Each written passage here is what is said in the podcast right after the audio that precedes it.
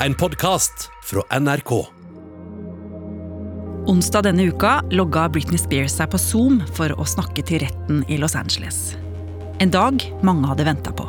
People waiting for her to speak. This is the first time she's going to speak publicly. It's been 13 years of success, but her attorney has presented documents in courts saying that she does not want to be under her father's control. For etter et sammenbrudd i 2007 har den 39 år gamle popstjerna hatt faren sin som verge. En ordning mange har satt spørsmålstegn ved.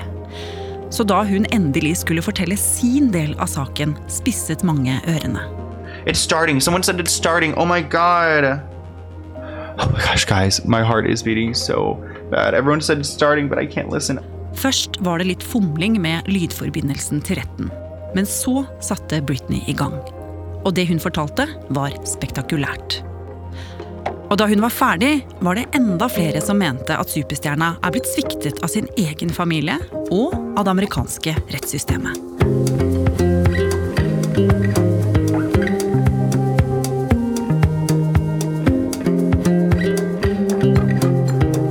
Du hører på Oppdatert.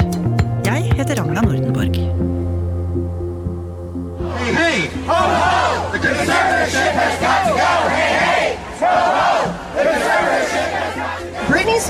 constitutional rights were violated in February of 2008.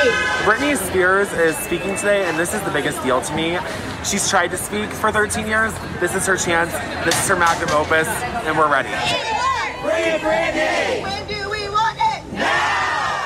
Dette er lyd fra fans som hadde møtt opp utenfor rettslokalet i LA, der Britney-høringen skulle foregå onsdag. Og disse folka her var jo ikke de eneste som var spente i forkant av dette vitnemålet. Hele verden fulgte jo med. Og Sandeep Singh, programleder og musikkjournalist. Hvorfor er det så stor interesse knytta til det som skulle skje der inne i rettslokalet?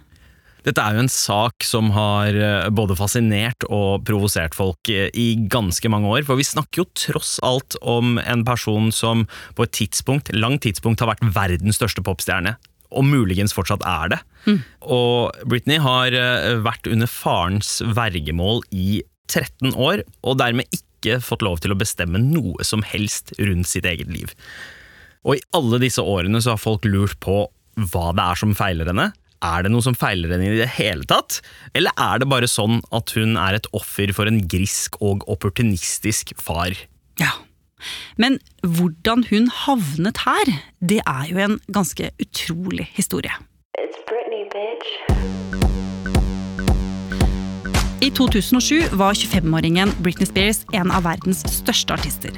Hun hadde en haug av bestselgeralbum under beltet, og hun var steinrik på konsertvirksomhet og show.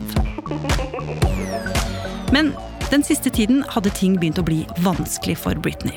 Hun hadde fått to barn på rappen sammen med danseren Kevin Federline, men forholdet skranta. Og hun havna i en barnefordelingssak der hun lå dårlig an med tanke på å ha omsorgsrett for barna sine pga. livsførsel og helse. Og denne konflikten ble dekket av LAs paparazzier. Overalt hun gikk, kunne man høre knipsene fra kameraene.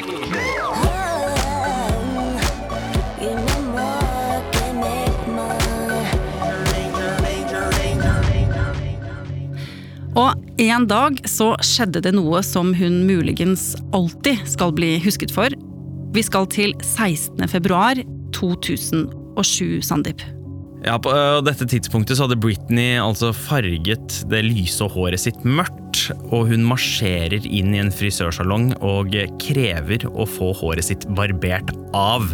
Men når øh, frisøren, eh, Esther Tognozzi, eh, nekter å gjøre det, så tar Britney barbermaskinen, tar saken i egne hender og barberer av hvert eneste hårstrå. Står hun her, helt skalla. Ja, Where you going, Brittany?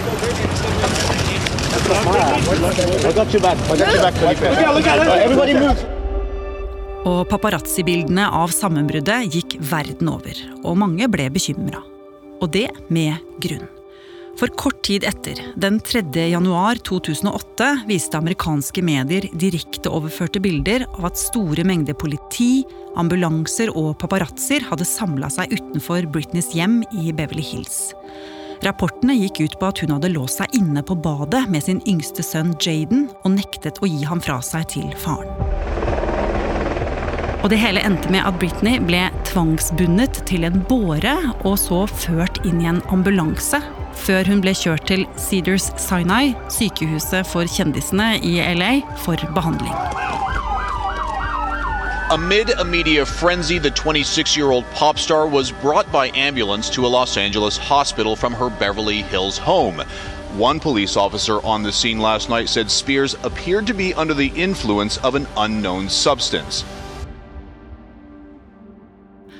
Og bare noen dager etter ba Jamie Spears, faren til Britney, retten om å få vergemål for datteren. I praksis så betydde det at hun nå var umyndiggjort, og hun kunne ikke lenger bestemme over livet sitt. Hun kunne ikke bestemme hvem hun skulle møte, hva hun skulle bruke penger på, alt fra om hun fikk kjøpe seg en caffè latte, til hvordan hun skulle styre investeringene sine. Ja, og det hele ble jo begrunnet med, ifølge rettsdokumentene fra starten, at Jamie Spears, Britneys far, altså hevdet at Britney viste tegn til tidlig demens. Og derfor måtte han da ta kontrollen over eh, hennes økonomi og alt av hennes karriereavgjørelser. karriereavgjørelser. Og dette kom jo annet fram i en dokumentar som heter The Battle of Britney. Og dette var rett og slett begrunnelsen for at hun ble underlagt et vergemål. Ja. Og her kunne man jo kanskje tro at Britney Spears' karriere var over, men hør på det her.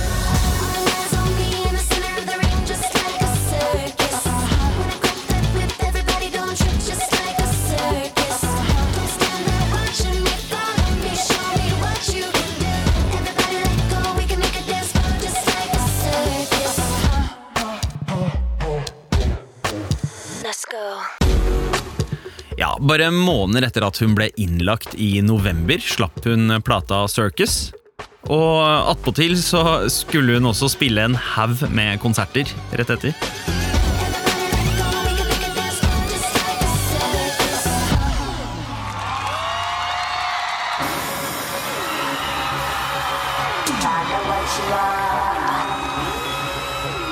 I got you crazy womanizer. I, I just, just what you are. I, I. Boy, don't try to front, I, I just, just what you are. I, I. Womanizer, woman, womanizer, you're a womanizer, oh, womanizer, oh, you're a womanizer, baby. Og da folk så hvordan hun rett og slett bare kjørte på og produserte hits etter hits, så begynte jo folk å lure. Hvor syk er denne dama egentlig? Hva er det som feiler Britney Spears? Trenger faren å være verge for henne? Eh, Kunne man jo begynne å lese i litt sånn sladrepresse og på blogger og sånn. Og så var det jo litt mistenksomt at en far som hadde vært eh, såpass lite involvert i livet hennes fra før, eh, hadde slitt med alkoholproblemer og alt, plutselig skulle bestemme absolutt alt. Og komme inn og kontrollere livet hennes.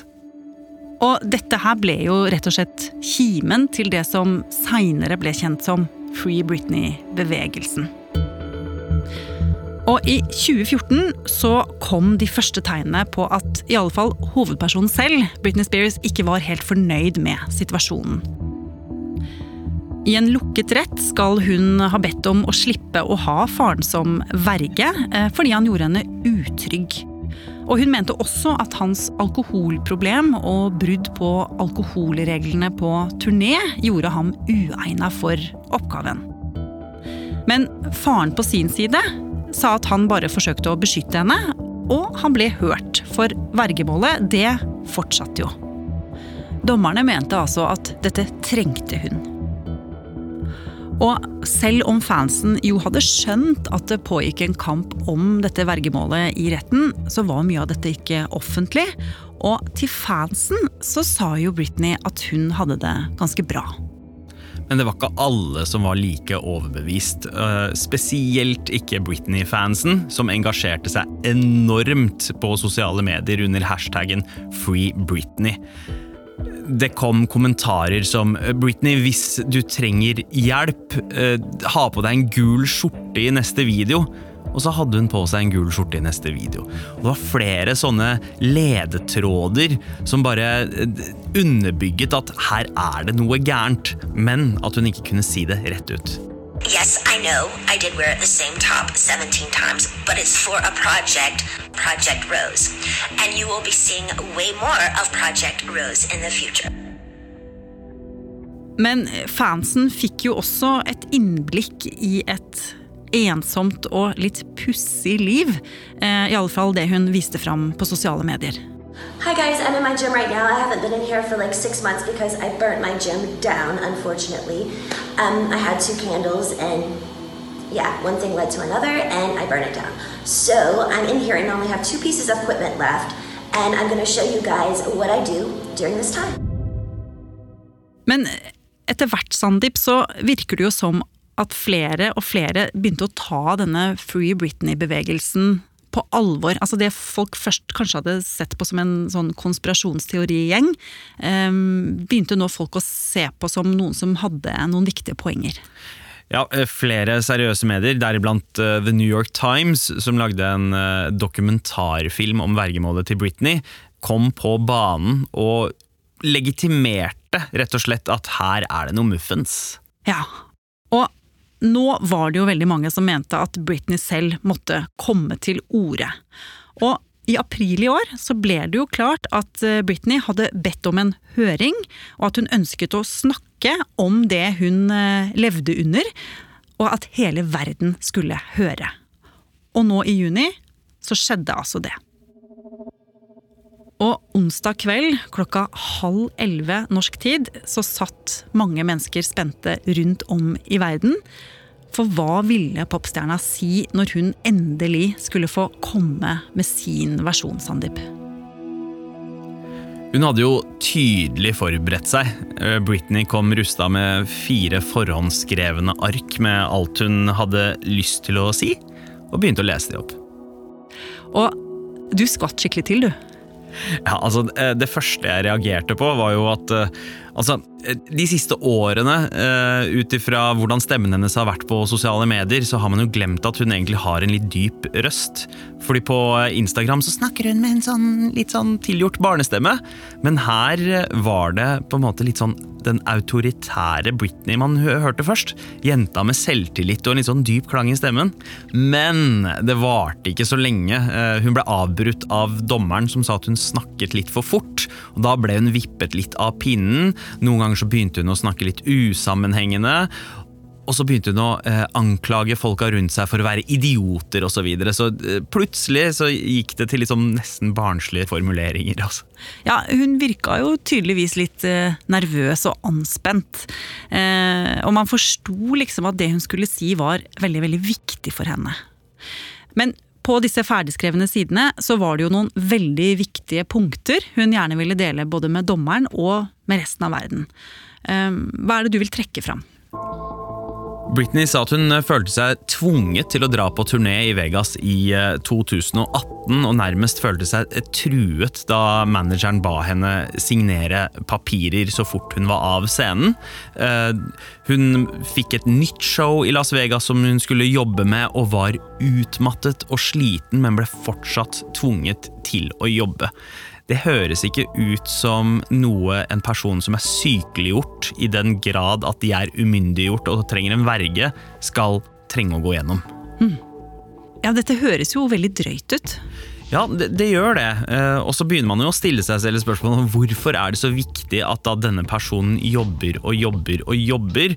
Og særlig når vi vet at eh, faren og familien og resten av teamet tjener enorme summer på at hun jobber.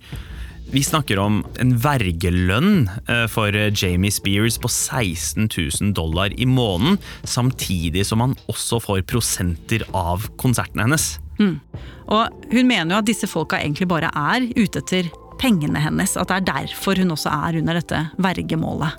Hun går så langt uh, i å si at uh, hennes far og managementet burde eh, havne i fengsel. Rett og slett. Ja. Men det stoppa jo ikke der, Sandeep. Britney hadde jo mer på hjertet. Ja, hun, eh, hun forteller om at hun blir satt på nye med medisiner og har blitt anklaget for å prøve å hoppe over eh, medikasjonen også, noe hun da bestemt sier nei, det stemmer ikke, jeg tar medisinen min på morgenen hver morgen av den samme dama, og de folka som mener at jeg eh, ikke tar medisinen, er folk jeg møter senere på dagen. Ja, og akkurat dette med medisiner, det lurer jeg jo litt på hva jeg egentlig skal tenke om. fordi det er jo helt åpenbart at hun må ta medisiner, og at det er veldig viktig. Men vet vi noe om hva hun tar medisiner for, eller hva som egentlig feiler henne? Nei, egentlig ikke. Eh, Vi veit ekstremt lite, eh, og så må vi huske at dette her er Britneys side av saken. Men hennes poeng er at hun ikke føler at hun har muligheten til å delta i noen av avgjørelsene rundt livet sitt. Og hun bekrefter eh, i stor grad alle disse teoriene om at eh, her har hun en familie og et management som begår et ekstremt overtramp. Sånn fansen egentlig har hevdet i veldig mange år. Jepp. Men eh, dette her med at hun skulle ha eh, en tidlig form for demens, kom det opp i denne høringen? Overhodet ikke. Eh, og dermed virker det nesten som at det kun var en formulering som var satt inn for å iverksette hele dette vergemålet fra starten av.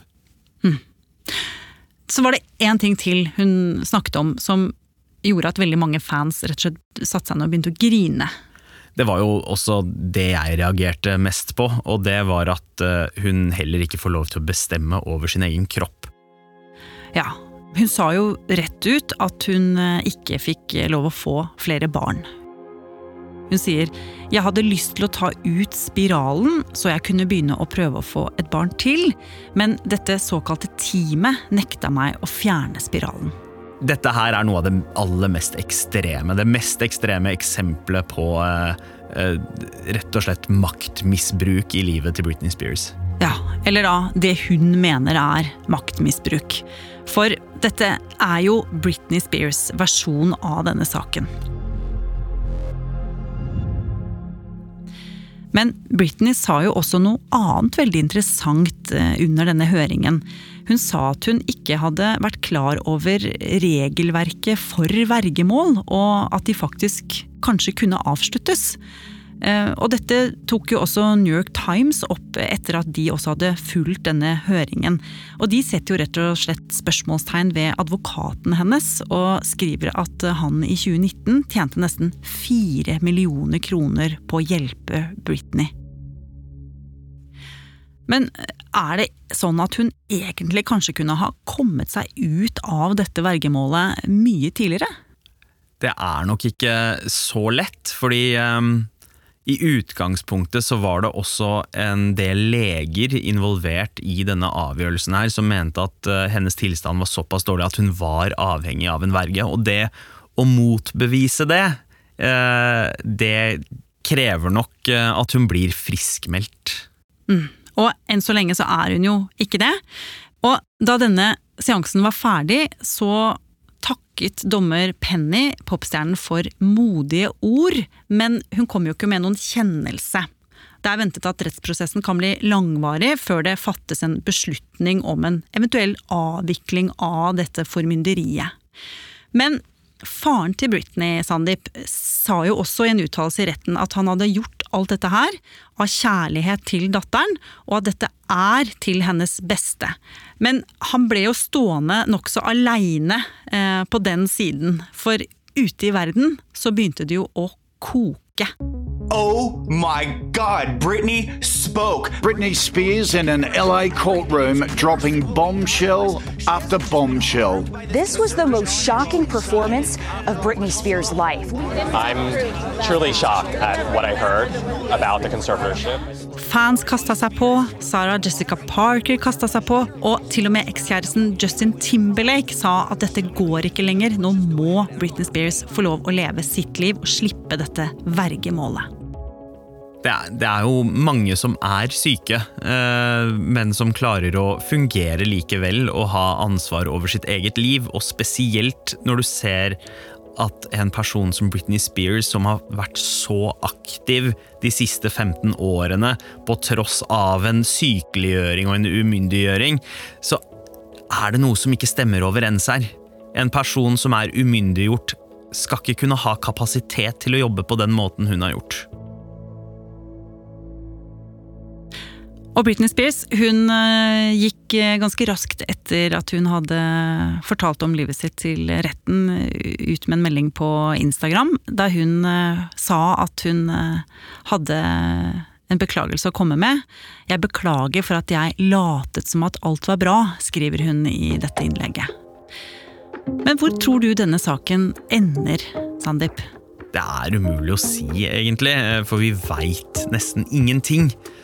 Men endelig har vi begynt å høre Britneys side av saken.